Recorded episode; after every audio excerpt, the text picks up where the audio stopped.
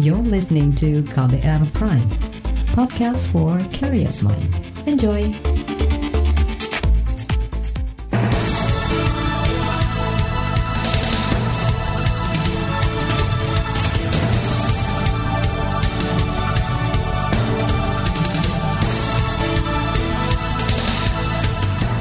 Selamat pagi saudara, senang sekali kami bisa menjumpai Anda kembali melalui program Buletin Pagi edisi Senin 21 September 2020 bersama saya Fitri Anggreni. Informasi yang kami hadirkan pagi ini di antaranya, desakan penundaan pilkada serentak semakin menguat, mata pelajaran sejarah tidak akan dihapus, aparat gabungan gerebek penebangan hutan liar di Muaro Jambi. Inilah Buletin Pagi selengkapnya. Terbaru di Buletin Pagi. Tahapan pilkada serentak sudah berjalan. Sebanyak 309 kabupaten kota dijadwalkan menggelar pilkada 9 Desember mendatang. Tapi desakan penundaan pilkada serentak kini semakin kencang lantaran kasus COVID-19 yang kian meningkat saban hari. Bahkan Ketua KPU Arief Budiman saat ini juga terkena virus corona. Alasan penundaan itu karena khawatir proses tahapan pilkada memunculkan kerumunan massa dan menjadi klaster baru penyebaran virus corona. Bekas Wakil Presiden Yusuf Kala termasuk yang menyarankan pilkada serentak tahun ini ditunda. JK mengatakan penundaan bisa dilakukan sampai vaksin COVID-19 ditemukan atau tersedia untuk masyarakat. KPU membuat syarat-syarat berkumpul apa. Kalau terjadi pelanggaran syarat-syarat dan memang katakanlah kampanye hanya 50 tapi terjadi 200. Kalau ada kecenderungan itu juga nanti ya lebih dipertimbangkan kembali waktunya. So banyak wali kota bupati yang sebenarnya dia diganti nanti pada tahun depan. Jadi sebenarnya tidak apa-apa dari segi pemerintahan bisa ditutup dengan pejabat. Itu tadi bekas Wakil Presiden Yusuf Kala. Desakan penundaan pilkada juga disampaikan pengurus besar Nahdlatul Ulama PBNU, Ketua Umum Said Agil Siroj dan Sekjen PBNU Helmi Faisal Zaini dalam suratnya kemarin meminta Komisi Pemilihan Umum KPU, pemerintah serta DPR menunda pilkada tahun ini. PBNU menyarankan penundaan dilakukan sampai tahap darurat kesehatan terlewati, sebab mobilisasi masa sulit dihindari dalam tahapan pilkada.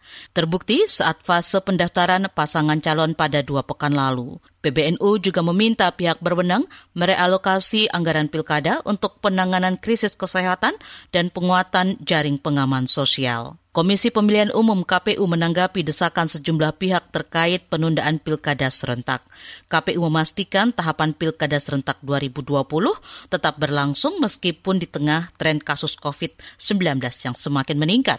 Komisioner KPU Idewa Kade Wiarsara Kasandi mengatakan belum ada opsi atau ketentuan mengenai penundaan tahapan maupun penundaan pemungutan suara. Dan ini juga adalah tindak lanjut dari Perpu nomor 2 tahun 2020 yang kemudian diundangkan menjadi Undang-Undang uh, nomor 6 tahun 2020. Ya, jadi sepanjang belum ada keputusan lain, tentu KPU wajib uh, melaksanakannya. Nah, kemudian terhadap ya berbagai uh, situasi dan kondisi, tantangan-tantangan yang ada di lapangan, dan juga masukan-masukan dari berbagai pihak, ya kami memandangnya itu sebagai concern ya, sebagai kepedulian sebetulnya Komisioner KPU Idewa Kadewiarsa menyebut saat ini KPU tengah fokus melakukan simulasi pemungutan suara dengan penerapan protokol kesehatan yang ketat.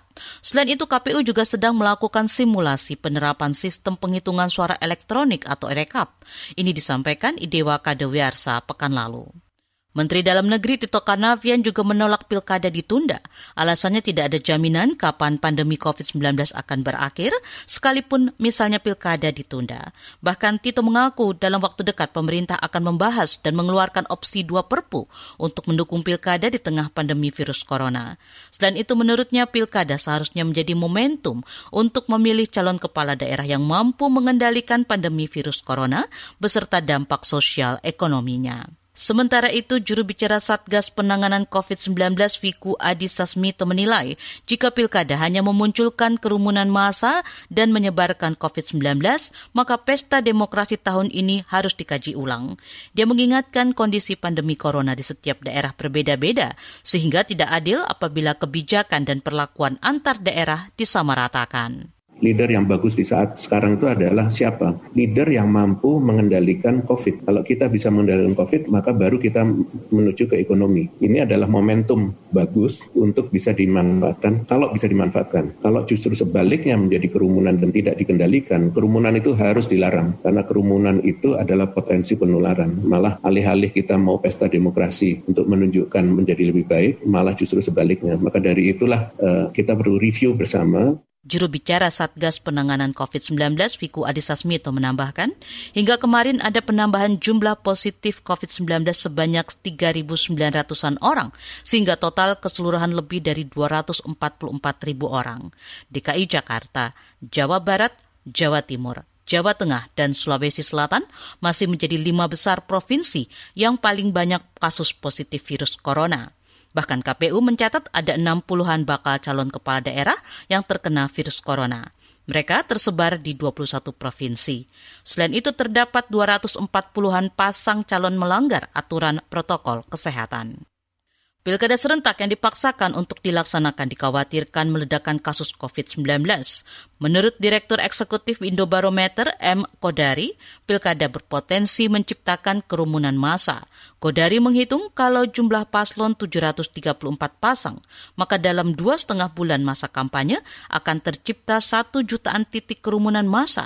Dari situ, orang tanpa gejala OTG COVID-19 berpotensi melonjak 20 jutaan orang jangan melakukan tindakan-tindakan yang menciptakan kerumunan atau situasi di mana jaga jarak itu susah dikendalikan atau susah diciptakan ya. Dan pilkada adalah peristiwa di mana secara sistematis, secara desain dan disengaja ya bahkan diwajibkan agar tercipta kerumunan ya apabila menggunakan aturan undang-undang dan PKPU yang ada sekarang. Direktur Eksekutif Indobarometer M. Kodari juga memperkirakan potensi OTG yang akan tertular virus corona pada hari pencoblosan 9 Desember nanti bisa bertambah lagi 15 juta orang. Sementara itu, epidemiolog Universitas Indonesia Iwan Aryawan menegaskan kerumunan massa di kampanye pilkada wajib dilarang Iwan mengingatkan kecepatan penularan COVID-19 saat ini adalah 0,2 per kasus per hari. Artinya, kalau ada 10 orang berkumpul, maka berpotensi menularkan dua orang di antaranya. Kita ke mancanegara, saudara. Ribuan pengunjuk rasa di Bangkok menentang sistem pemerintahan monarki yang dijalankan Raja Thailand Maha Vajiralongkorn. Para pengunjuk rasa sempat memasang plakat permanen di dekat Grand Palace kemarin. Plakat itu berisi tuntutan rakyat yang mendesak sistem monarki dihentikan dengan alasan negara milik rakyat, bukan milik raja. Juru bicara pemerintah Anucha Burapa Chaisri menegaskan kepolisian tidak akan menggunakan kekerasan terhadap pengunjuk rasa. Gelombang protes massa akan dilaksanakan lagi Kamis mendatang. Para penggerak unjuk rasa juga menyerukan warga Thailand cuti bersama pada 14 Oktober sebagai bentuk dukungan reformasi sistem pemerintahan. Saudara, kapan putusan sidang etik atas Firly Bahuri? Informasinya usai jeda tetaplah di Buletin Pagi KBR. You're listening to KBR Pride, podcast for curious mind. Enjoy!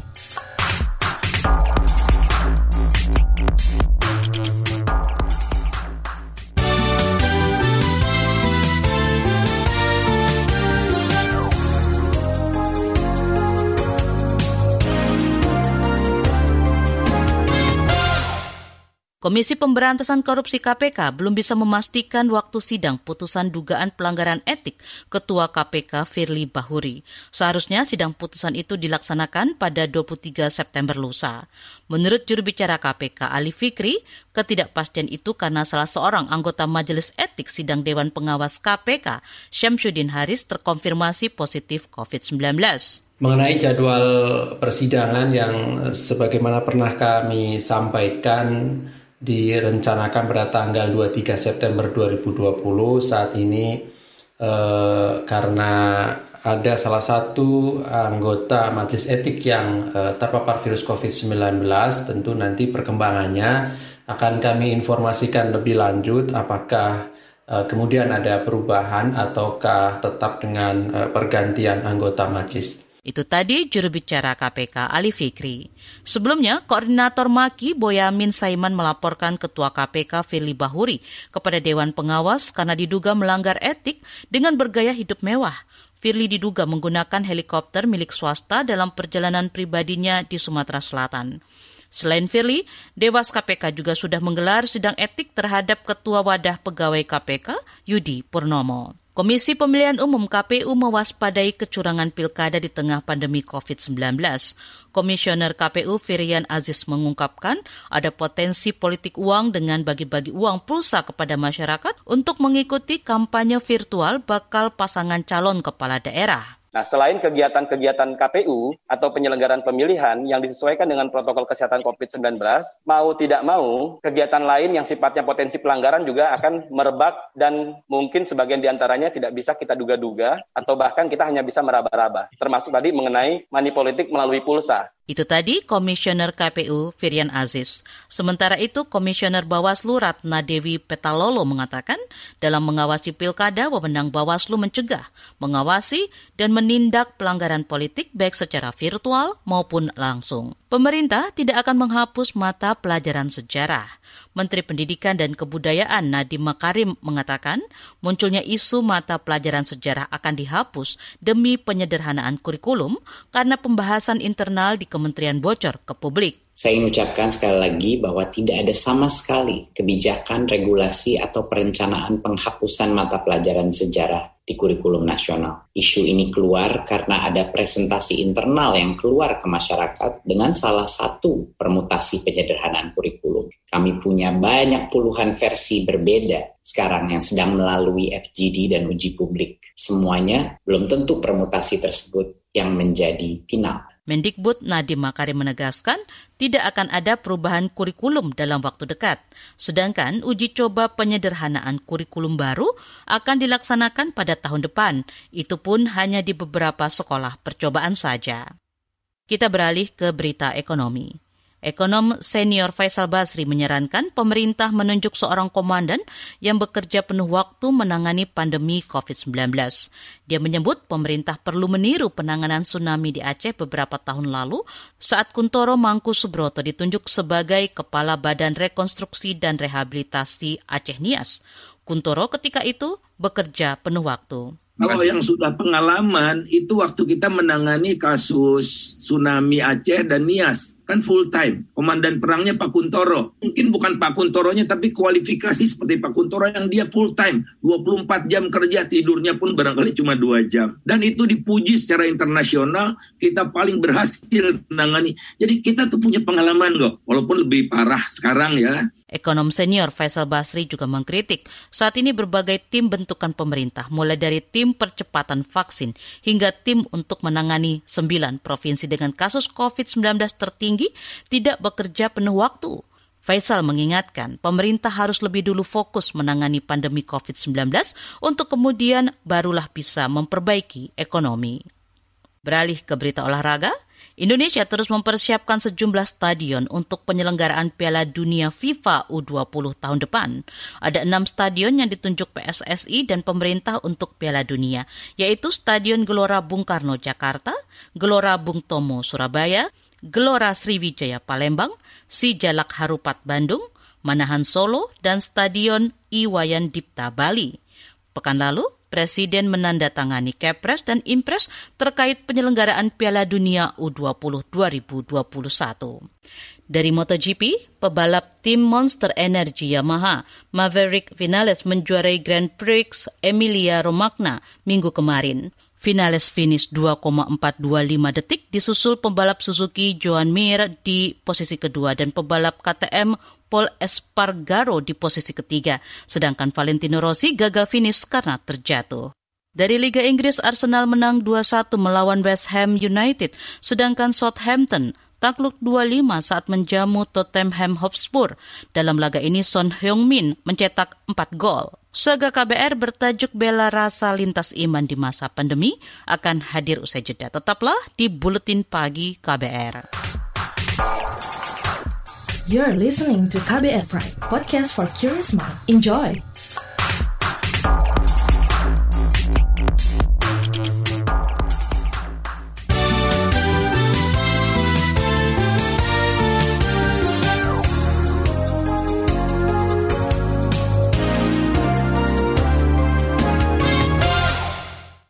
Saudara pesantren Darussalam di Banyuwangi, Jawa Timur menjadi salah satu klaster besar COVID-19. Ribuan santri dikarantina di dalam pesantren usai temuan kasus positif. Bantuan pun mengalir dari berbagai kalangan, tak terkecuali dari saudara lintas iman Jemaat Katolik Gereja Santo Paulus Jajak. Jurnalis KBR Hermawan Arifianto berbincang dengan relawan gereja yang ikut membantu proses karantina di pesantren. Simak kisah lengkapnya berikut ini meeting untuk di sini sih mulai tanggal 31 kemarin. Jadi nggak ngitungin hari kita mas. Siang itu, Bimo ingin sejenak melepas penat. Sedari pagi, ia hilir mudik di pondok pesantren Darussalam Blok Agung Banyuwangi, Jawa Timur. Pemilik nama lengkap Haryo Bimo Yudo ini berbincang santai dengan relawan lain di posko penanganan COVID-19 yang berjarak sekitar 100 meter dari pondok sebelum tanggal 31 tuh saya udah sering bolak-balik ke sini kan ngurus sampai jam jam 10 sampai jam 12 datang ke sini balik lagi ke rumah itu. Sudah dua pekan lebih Bimo menjadi relawan di tim gabungan pemerintah. Ia dikirim oleh gereja Santo Paulus Jajak untuk membantu proses karantina pesantren. Tak kurang dari 6.000 santri diisolasi di dalam pondok usai ratusan santri positif COVID-19. Saben hari Bimo bersama tim relawan mencukupi kebutuhan mereka, mulai dari asupan gizi sampai urusan sampah di sini saya kebagian ke resiko lingkungan. Jadi kayak limbah-limbah medis, limbah-limbah se kan makan kan kalau dari dapur umum pakai nasi box. Nah, itu untuk pengamanan soal terkait limbahnya itu untuk koordinatornya saya. Dan kalau yang zona merah itu kan infeksius. Sebetulnya yang dihasilkan dari yang zona merah itu ya infeksius. Jadi kita harus treatment itu untuk ininya, tata laksananya. Selama 8 jam bertugas, Bimo juga ikut berpatroli, memastikan santri tidak keluar dari area isolasi. Di sana, santri yang positif COVID-19 dipisahkan dari santri lain yang negatif dan berstatus suspek. Kadang ya kita juga keliling untuk ngawal karantinanya ini berjalan nggak ini. Ada yang keluar-keluar nggak ini yang dikarantina di dalam gitu. Terus disinfeksi gitu desinfeksi ruangan. Kalau yang dari pondok A kita gimana nih kita geser ke yang B biar yang A bisa areanya kuning nggak merah gitu kan. Kita kan hmm. klasifikasi ya kita pisah-pisah gitu. Harapannya sih biar yang kuning ini nggak campur sama yang merah. Bagi ayah satu anak ini menjadi relawan merupakan panggilan kemanusiaan.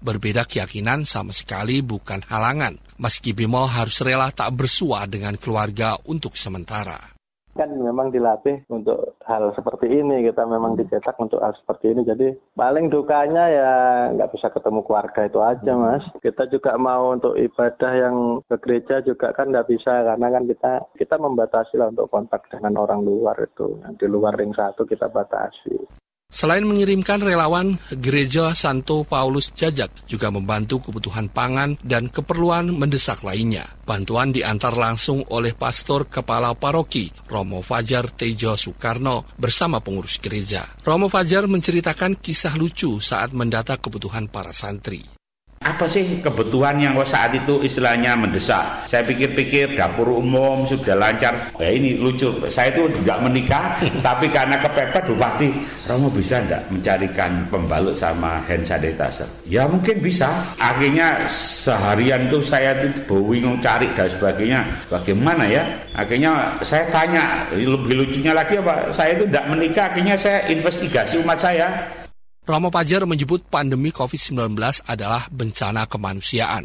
Virus corona menyerang tanpa pandang bulu atau latar belakang. Menurutnya tak perlu saling menyalahkan terkait kemunculan klaster baru di pesantren Darussalam. Yang terpenting memastikan keselamatan para santri dan menyetop penyebaran virus bencana ini atau apa pun bencana apa pun dan sebagainya itu sudah kalau sudah melanda manusia itu tidak mengenal suku agama golongan ras dan sebagainya. Dan itu menjadi tanggung jawab kita bersama. Nah akhirnya begitu yang namanya di Blok Agung Darussalam itu apa pun yang terjadi sebenarnya tanpa disuruh ya dengan sendirinya apalagi itu menjadi wilayah tanggung jawab saya toh Sementara itu, Gubernur Jawa Timur Hovifah Indar Parawansa menjamin kebutuhan para santri tercukupi sampai proses karantina berakhir, termasuk pemeriksaan kesehatan rutin dan tes usap. Beberapa hal kaitan dengan kebutuhan masker, vitamin, dan kemarin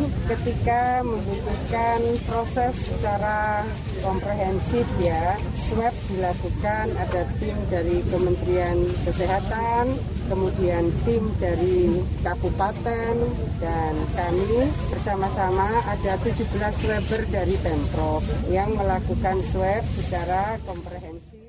Melalui keterangan resmi, juru bicara Pondok Pesantren Darussalam, Nihayatul Wafiro berterima kasih atas dukungan dari berbagai pihak yang membantu proses karantina. Demikian Saga KBR, saya Hermawan Arifianto. Informasi dari daerah akan kami sajikan usai jeda tetaplah di Buletin Pagi KBR.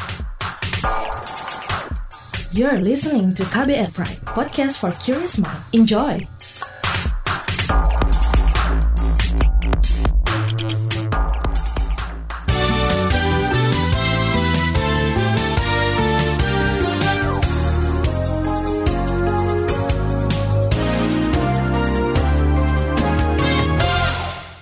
Inilah bagian akhir dari Buletin Pagi KBR.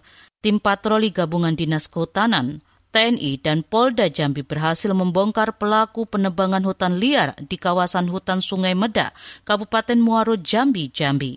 Menurut Kepala Dinas Kehutanan Provinsi Jambi, Ahmad Bestari, puluhan kubik kayu jenis meranti berhasil diamankan, tapi para pelaku melarikan diri.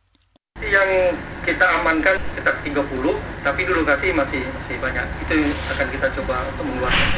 Yang tidak bisa kita keluarkan kita musnahkan. Di lapangan kemarin laporan tim sudah ada sekitar 1.700 batang yang sudah kita singkap pakai insuk. Kepala Dinas Kehutanan Provinsi Jambi Ahmad Bestari mengungkapkan, para pelaku penebangan hutan liar memanfaatkan aliran sungai untuk mengapungkan dan mengirim kayu ilegal. Mereka juga memanfaatkan area perbatasan Jambi untuk menghindari kontak dengan petugas patroli. Kemampuan sektor industri di Nusa Tenggara Barat untuk bertahan di masa pandemi COVID-19 sudah memasuki tahap kritis. Kepala Dinas Pariwisata NTB lalu Muhammad menjelaskan tahap kritis itu mulai dari kebangkrutan usaha, PHK massal, kredit macet, dan ancaman Kamtimas. 90% taman rekreasi kita tuh praktis total tidak bisa beroperasi. 70% lainnya menarik. 70% desa wisata kita itu memang tidak bisa operasi, tapi ada 30% yang saya kira e, bisa melakukan aktiviti-aktiviti di desa wisata. Kemudian ada 99%, sisa 1% bang. Tour operator kita dan event organizer kita itu yang tidak sama sekali bisa melakukan aktivitas. Kemudian 90% hotel di resort dan resort kita itu memang tidak bisa operasional. Kepala Dinas Pariwisata NTB lalu Muhammad menambahkan, saat ini 70 persen restoran dan kafe juga sudah tidak beroperasi. Untuk pengembangan pariwisata berkelanjutan di NTB, lalu menyebut tiga aspek yang dikedepankan, yaitu pesona budaya, keindahan alam, dan ekonomi masyarakat. Puluhan rumah di lima kabupaten kota di Aceh kemarin rusak diterjang badai puting beliung. Selain itu, kubah masjid, sejumlah tiang listrik dan pohon tumbang. Juru bicara Badan Penanggulangan Bencana Daerah Aceh Besar, Mas Wani, mengatakan pendataan dampak kerugian material masih dilakukan. Atapnya rata memang copot semua. Rusak berat dan rusak sedang. Memang angin kencang tu. Itu langsung lang, langsung berterbangan. Kalau nggak salah sekitar 64 kono tuh salah kejutanannya. Alhamdulillah belum ada korban jiwa. Juru bicara BPBD Aceh Besar, Mas Wani menambahkan, sebagian besar korban mengungsi ke rumah sanak kerabat terdekat. Tidak ada laporan korban jiwa akibat bencana alam yang melanda sebagian Aceh Besar, Aceh Utara, Biren, Aceh Tengah, dan Sabang itu. Informasi tadi saudara menutup jumpa kita di Buletin Pagi hari ini. Pantau juga informasi terbaru melalui kabar baru, melalui website kbr.id, Twitter kami at berita KBR, serta podcast melalui kbrprime.id. Akhirnya, saya Fitri Anggreni bersama kerabat kerja yang bertugas undur diri. Salam.